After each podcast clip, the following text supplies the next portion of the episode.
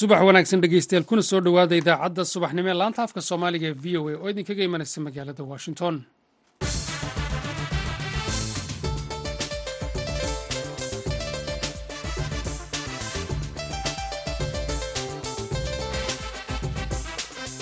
Waa subax talaadaha koob iyo labaatanka bisha februari sannadka laba kun iyo saddex iyo labaatanka. Waxaanaad naga dhegaysanaysaan mawjadaha gaagaaban ee lix iyo tobanka sagaal iyo tobanka mitirban efemyada magaalooyinka geeska afrika qaarkood iyo bogga aannu ku leenahay internetka ee v o a somaali com. Saacadda afrikada bari haatan waa lixdii iyo barhkii aroornimo washingtonna waa tobankii iyo barhkii habeennimo idaacadda saaki iyo caalamkana waxaa idinla socodsiinaya anigoo ah maxamed cabdi.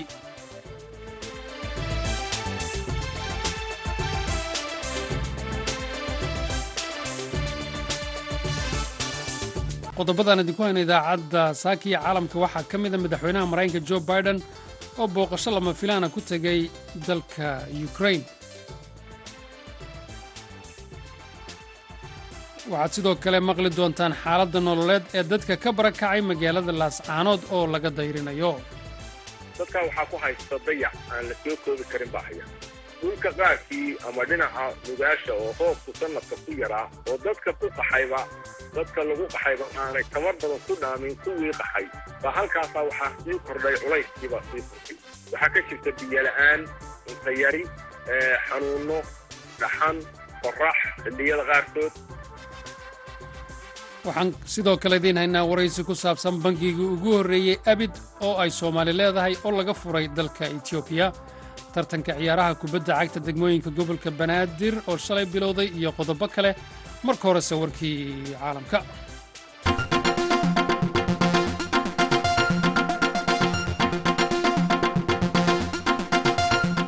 Madaxweynaha maraykanka jo biden ayaa isniintii shalay booqasho lama filaana ku tegay dalka ukrain dhowr maalmoodun ka hor sannad guurada koowaad ee dagaalka uu ruushku ku qaaday dalkaasi ukrain madaxweyne biden ayaa sheegay inuu ukrain u tegey sidii u taageeri lahaa xornimada iyo madax bannaanida dhuleed siyaasadeed ee dalkaasi.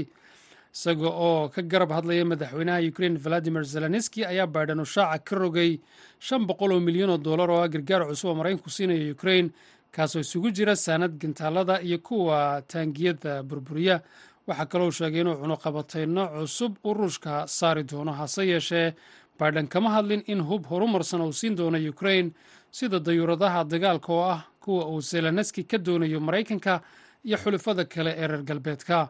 Biden ayaa sidoo kale ka hadlay isku keenidda xulufo dhan konton waddan si ay u caawiyaan militariga ukrain iyo midaynta dalalka dhaqaalahoodu sarreeya si culays badan loo saaro dhaqaalaha dalka ruushka shaqaalaha gargaarka ee ka shaqeeya soomaaliya ayaa ka walaacsan gaabis ka yimid dalalka iyo hay'adaha gargaarka bixiya iyo deeqaha oo hoos u dhaca xilli ay abaaraha dalka ka jira sii jiitamayaan maxamed cabdi oo ah madaxa hay'adda norwegian refugee council ayaa sheegay in deeqbixiyaasha ay soomaaliya caawiyeen tobannaan sano inkastoo xaaladda bini'aadanimo ee waddanku aysan waxba iska beddelin waxa uu sheegay in qaar badan oo ka mida waddamada deeqda bixiya ay daaleen waxa uu intaasi ku daray inay dalalka deeqda bixiyo taageerada sii wadi doonaan laakiin sidoo kale ay taageeri doonaan meelaha kale ay xasaraduhu ka jiraan sida yemen suuriya turkiga iyo ukrain dowladda soomaaliya iyo hay'adaha gargaarka ayaa dhowaan codsaday lacag dhan laba dhibic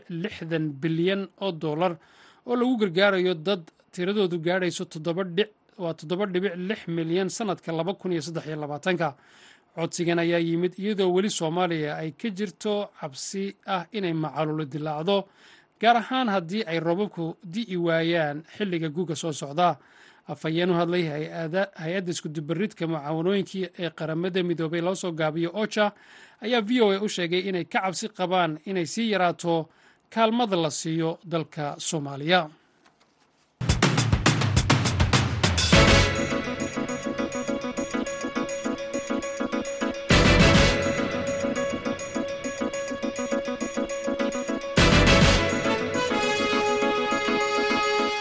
subax wanaagsan. Mar kale dhegeystayaal dhammaantiinba halkaad warkaasi kala socotaanna waa v o a washington. Sidaad warkayga ku maqasheen madaxweynaha maraykanka jo biden ayaa isniintii shalay booqasho aan horey loo sii shaacin ku tegey magaalada kiyev ee caasimadda dalka ukrain booqashada biden ayaa lagu soo aadiyey sanad guurada koowaad ee dagaalku ruushka ku qaaday dalkaasi. Biden ayaa isagoo barbar socda madaxweynaha ukrain valadimir zelenski ku dhex lugeeyey caasimadda kiyef warbixin arrintaasi ka hadlaysa waxaa soo diray wariyaha v o eda qaaradda yurub cabdixaafid awil ismaaciil.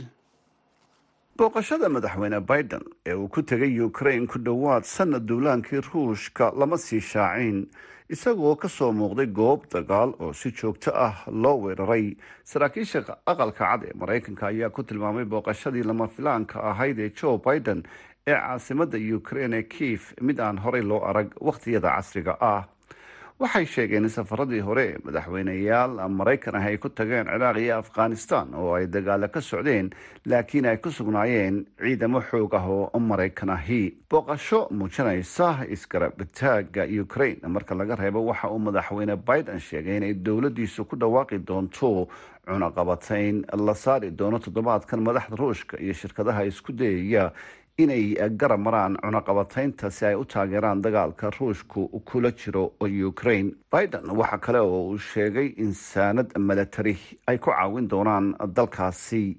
Saanadaasi gargaarka milatarigana waxaa ka mid noqon doona rasaasta madaafiicda nidaamyada ka hortaga hubka iyo raadaarka hawada si ay uga caawiyaan dadka ukrain duqeymaha hawada haddaba booqashadan aan la shaacin ee madaxweyne biden uu ku tegay dalka ukrain maxay uga dhigan tahay dowladda kiyef su'aashaasi ayaan weydiiyey maxamed xasan dable oo ah falanqeeyo degan magaalada leicester ee dalkan britain.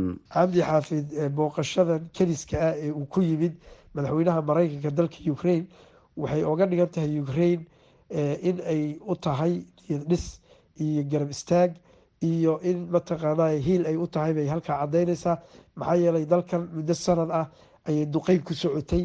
Dagaal adagna ay kaga imaaneyso dowlad ka quwad weyn.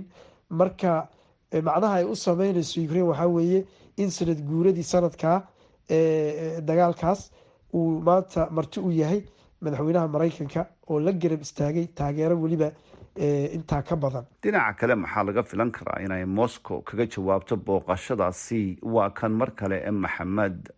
Cabdi xaafid moscow way ka jawaabtay ilaa hadda mas'uuliyiin sarsare ayaa ka jawaabay booqashada uu ku yimid biden ukraine. Waxayna ku tilmaameen inay caddeysay in ukraine ay tahay dabadhilif moscow waxayna sheegeen in ay ku socon doonto ruushka ujeedadiisii uu ka lahaa dagaalka ukraine si kastoo uu maraykanka ugu yabooho ukraine hub iyo taageero dhaqaalaba. Dhanka kale madaxweynahii hore ee ruushka dimitri midyev ayaa wuxuu sheegay in ruushka uu siiyey damaanaqaad magangeliyo maraykanka oo aanan waxba loo dhimi doonin. Madaxweynaha inta uu meesha booqashada ugu joogo iyada oo ay tuhunsan yihiin ama ama filayaan waa ruushka dhankooda in labadan madaxweyne waa zelenski iyo biden in ay kashire ka shireen sidii ay istraatiijiyadda u dejin lahayeen dagaaleed sanadka labaad ee uu dagaalkan galay. Dhanka kale moscow waxaa laga filayaa maalinta ku aadan sanad guuradii dagaalka in in putin uu qeexi doono isagana istraatiijiyadiisa uu u dejistay sanadka soo socdo iyo xeeladaha dagaalka iyo qaabka uu mataqaana ay u wajihi doono dagaalkaasi. Biden oo la hadlaya madaxweynaha ukraine ayaa u sheegay inay xorriyaddu qaali tahay habboon tahay in loo dagaalamo muddo kasta oo ay qaadanayso ayna garab taagnaan doonaan. Madaxweyne biden ma uu carabaabin diyaaradaha dagaalka oo ay ukraine marar badan ka codsatay saaxiibadooda reer galbeedka si ay dib ugu riixaan ciidamada ruushka biden oo la lugeynaya bartamaha kiev madaxweyne ukraine. Waxaa la maqlaya cod baahiyaha kadiga weerarka cirka.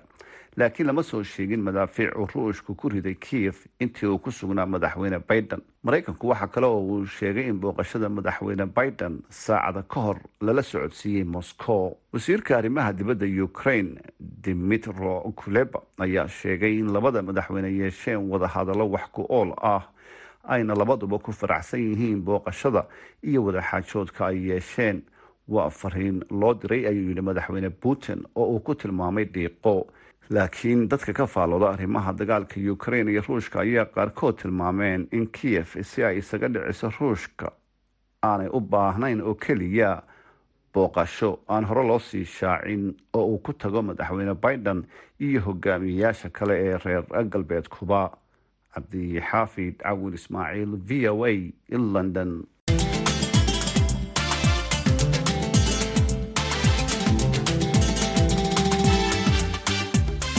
subax wanaagsan mar kale dhegeystayaal dhammaantiinba weli waxaad la socotaan v o a washington waxgaradka iyo mas'uuliyiinta gobolka sool ayaa ka digaya dhibaato bini-aadanimo ay suurtagal tahay inay ku dhacdo kumanaan qof oo ku barakacay colaadda ka taagan magaalada laascaanood dadka ka cararay dagaalka laascaanood ayaa gaadhay degmooyin ka tirsan gobolka sool sida buuhoodle xudun iyo taleex wariyaha v o eda gobolka sool cabdikariim olol ayaa haddaba xaaladda dadka barakacay ka wareystay caaqil cabdirasaaq maxamed xasan falaalug oo ah afhayeenka guddiga bulshada gobolka sool. Waxaa xaqiiq ah oo adiguna aada xogdaal u tahay magaalada in aan laga barakacay oo cid hadda ku hadhay oo la tilmaami karaa aanay jirin. Dadkii ka barakacay magaalada ka barakacay waxay ku baahsan yihiin eriyada gobolka sool. Cayn oo buuhoodla ah xudun degmada xudun iyo degmada taleec intaba.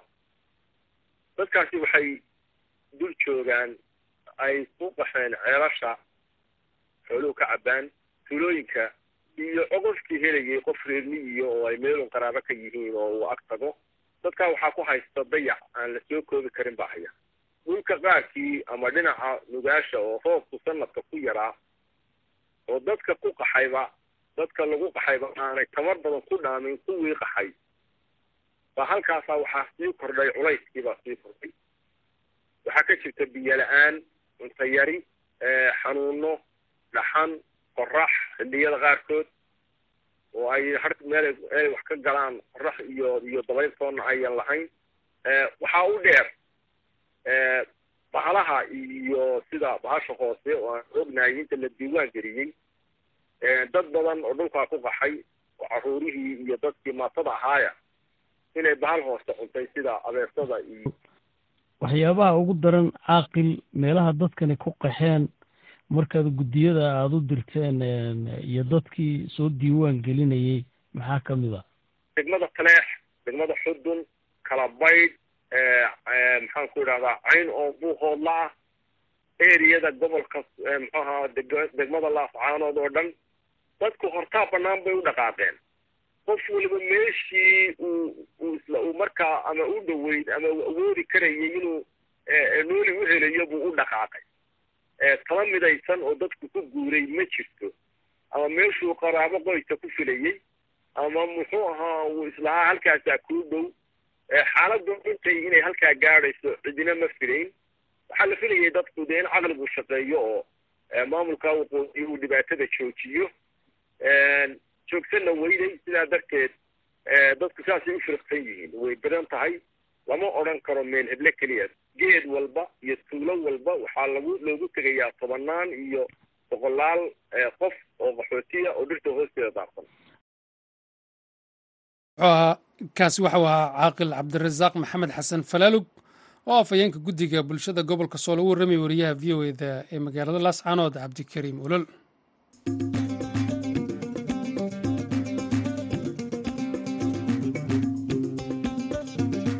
haatanna jigjiga bangiga shabeelle waa bangigii ugu horreeyey ee soomaali leedahay ee abid laga hirgeliyo dalka etoobiya. Bangigan oo ku shaqeeya hab waafaqsan nidaamka bangiyada islaamiga ah ayaa fuliya adeegyo kala duwan.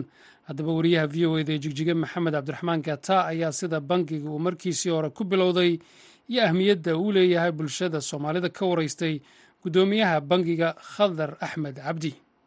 Isbedelkii kadib waxaa yimiday in la ogolaado in la asaasi karo bangiyada ku aas-aasan nidaamka shareecada islaamka.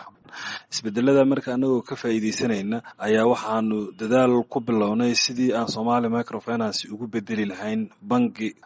Muddo kadib dadaalkii la sameeyey waxaan alxamdulilah ku guuleysanay shantii january labada kun iyo labaiyo labaatankii in liisankii bangiga aan soo qaadno bangigii oo aan u bixinay shabeelle bank. Waana bangigii ugu horeeyey ee soomaaliyeed ee waddanka etoobiya waddanka etoobiya baa laga sameeya marka kadib haddana dadaal dheer waxaan u gallay inaanu maaragtay samayno bangigii si uu adeegii u bilaabo. Waxaa sidoo kale noo yimiday oo nasoo booqday naga jeegaranaya adeegyadaas oo dhan bangiga dhexe ee qaranka kaasoo bangiyadu macnihii adeega intayna bilaabin ka hor qiimeeya. Kadib waxay noo ogolaadeen iyadana in ay noo bishii january labada kun saddex labaatanka inaan adeegi bilaabi karno.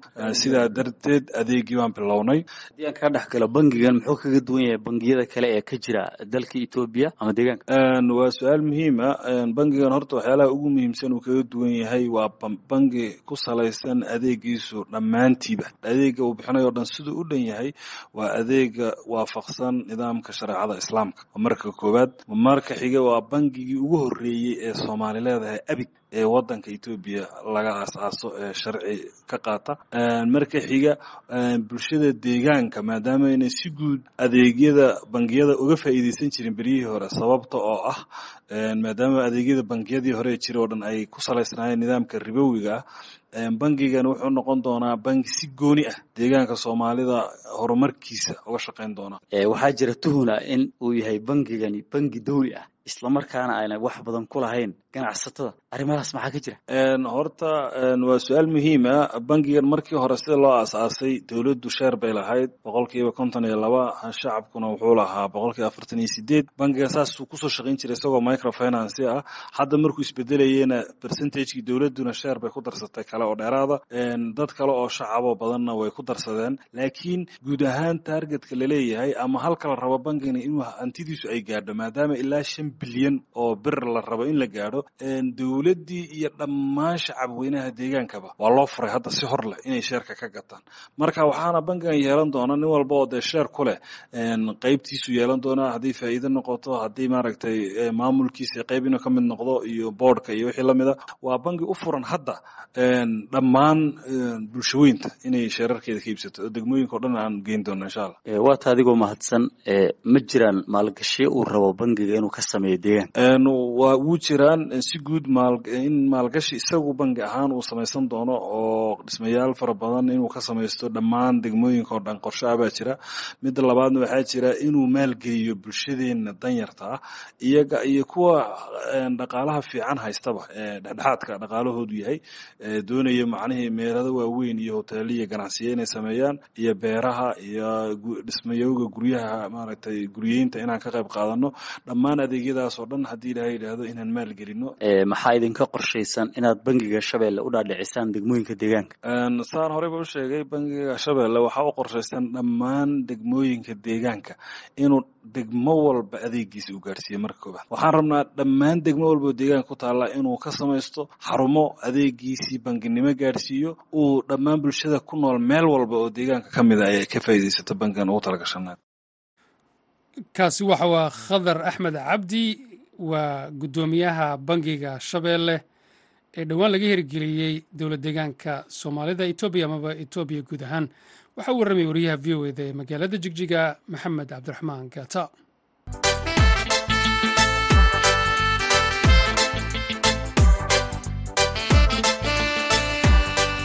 subax wanaagsan mar kale dhegeystayaal lamaantiinba weli waxaad la socotaan v o a washington maamulka dowladda hoose ee magaalada berbera ayaa la wareegay ku dhowaad lixdan dugsi oo isugu jira kuwo hoose iyo kuwo dhexe. Arrintan ayaa ka dambeysay kadib markii ay dowladda somalilan soo saartay xeer yoolkiisu yahay in sare loo qaado tayada tacliinta asaasiga ah.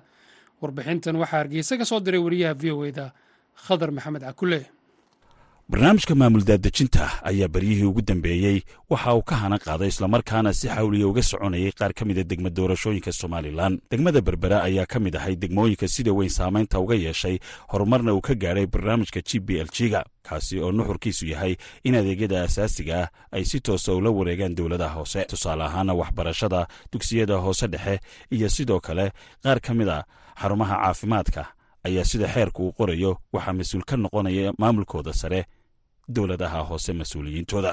Mas'uuliyiinta wasaaradda waxbarashada ugu sarreeya iyo maayarada magaalooyinka hargeysa gabiley iyo berbera ayaa dhowaan kulamo ay yeesheen waxa ay iskula afkarteen kuna heshiiyeen in lagu wareejiyo dugsiyo waxbarasho oo hoose dhexe maayarada magaalooyinkaasi saddexdaa kulan maanta ka qabsoomay magaalada berbera ayaa waxaa ku kulmay islamarkaana lagula wareegay sagaal iyo konton dugsi oo hoowa hoose dhexe isugu jira waxaana duqa magaalada berbere cabdishakuur maxamuud cidin uu ku wargeliyey islamarkaana ku baraarujiyey maamulayaasha dugsiyadu in ay u diyaargaroobaan shaqada oo la sii laban laabo.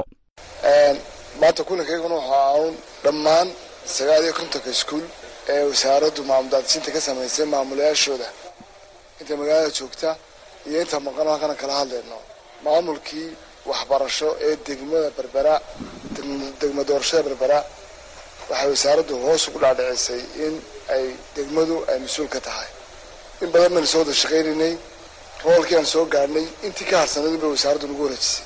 Maamulo kasta waxaan ku dabageli doonaa oo aanu isgarab taagi doonaa wax alaali wixii u tabayana aanu ka saari doonaa.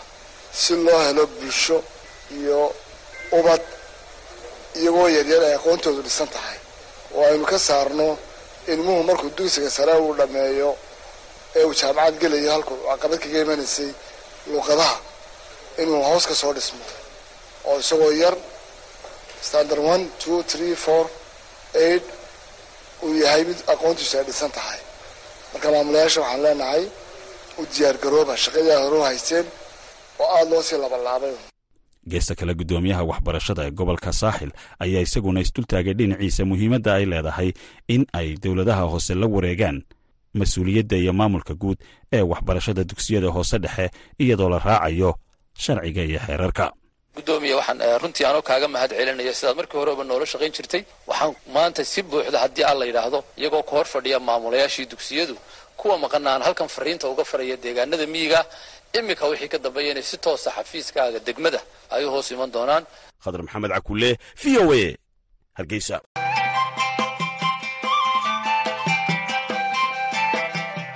subax wanaagsan mar kale dhegeysta dhammaantiinba. Ururka dhakhaatiirta britain ee loo soo gaabiyo m b waa b m a ayaa ku dhawaaqay in tobannaan kun oo ah dhakhaatiir ay samayn doonaan shaqo joojin bisha soo socota iyaga oo dalbanaya in loo kordhiyo mushaharka.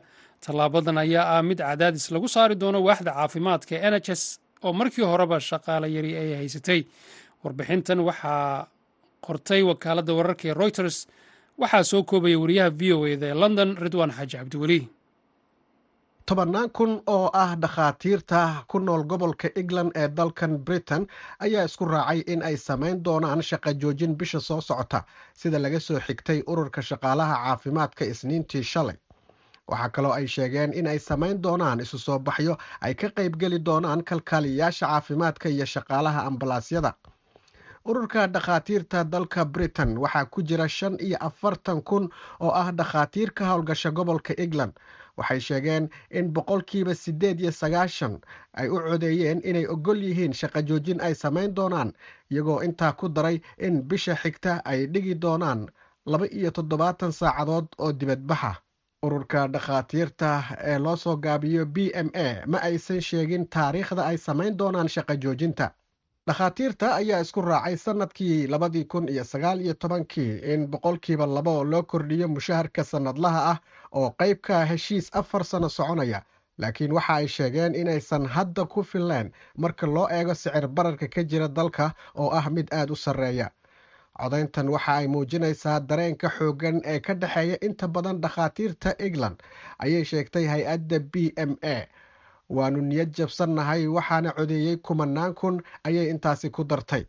Ururka dhakhaatiirta ayaa sheegay in dhakhaatiirtu ay yihiin kuwo u qalma inay helaan tababarada kala duwan ee dhinaca caafimaadka.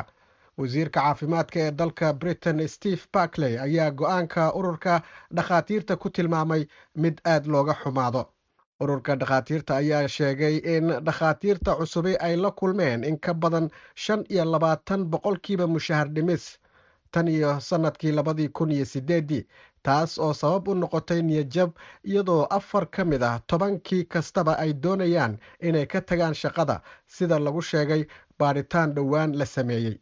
Waxaa iyana jira in ururo kale oo dhinaca caafimaadka ah ay dhigi doonaan dibadbaxyo shan iyo tobanka bisha marj laakiin tiradooda marka la eego waa mid aada uga yar. Tirada hadda ay iclaamiyeen dhakhaatiirta gobolka england ee dalkan britain. Dibadbaxyadani ayaa ah kuwo cadaadis lagu saari doono waaxda caafimaadka ee n h s ee dowladdu ay maalgeliso oo markii horeba shaqaala yari ay haysatay. Xukuumadda ra'iisul wasaare rishi sunak ayaa ku doodeysa in korarka mushaharka uu abuuri karo sicir barar iyo weliba inay korodho lacagaha dulsaarka ah ee iibsiga guryaha. In ka badan toban kun oo shaqaalaha ambalasta ah ayaa sameeyey shaqa joojin isniintii halka ururka shaqaalaha kalkaaliyayaasha caafimaadkuna ay toddobaadkii hore ku dhawaaqeen in shaqa joojin cusub oo siddeed iyo afartan saacadooda ay samayn doonaan kowda bisha maaj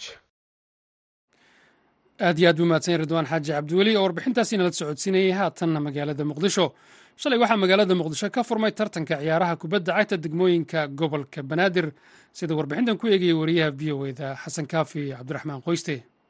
Waxaa shalay galab magaalada muqdisho ka furmay tartanka kubadda cagta degmooyinka gobolka banaadir iyo degmada balcad waxaana kulanka furitaanka isku wajahay kooxaha degmooyinka balcad iyo dherkeenley kulankan oo ay daawashadiisu ka soo qayb galeen taageerayaal aad u fara badan ayaa ka qabsoomay garoonka injineer yariisow ekiskonis ee caasimadda muqdisho waxaana ciyaartii labada kooxood u dhexaysay ay ku soo idlaatay saddex gool iyo eber oo ay ku awood roonaatay kooxdii ka socotay degmada dharkeenley maxamed cabdi digirey waa weriye falanqeeya ciyaaraha wuxuuna ka waramayaa qaabkii uu u furmay tartankan. Furitaankii tartanka degmooyinka deegaanada gobolka banaadir ee degmada balcad waxaa ka soo qayb galay mas'uuliyiin ka socota baarlamaanka federaalk soomaaliya golaha wasiirada iyo maamulka gobolka banaadir.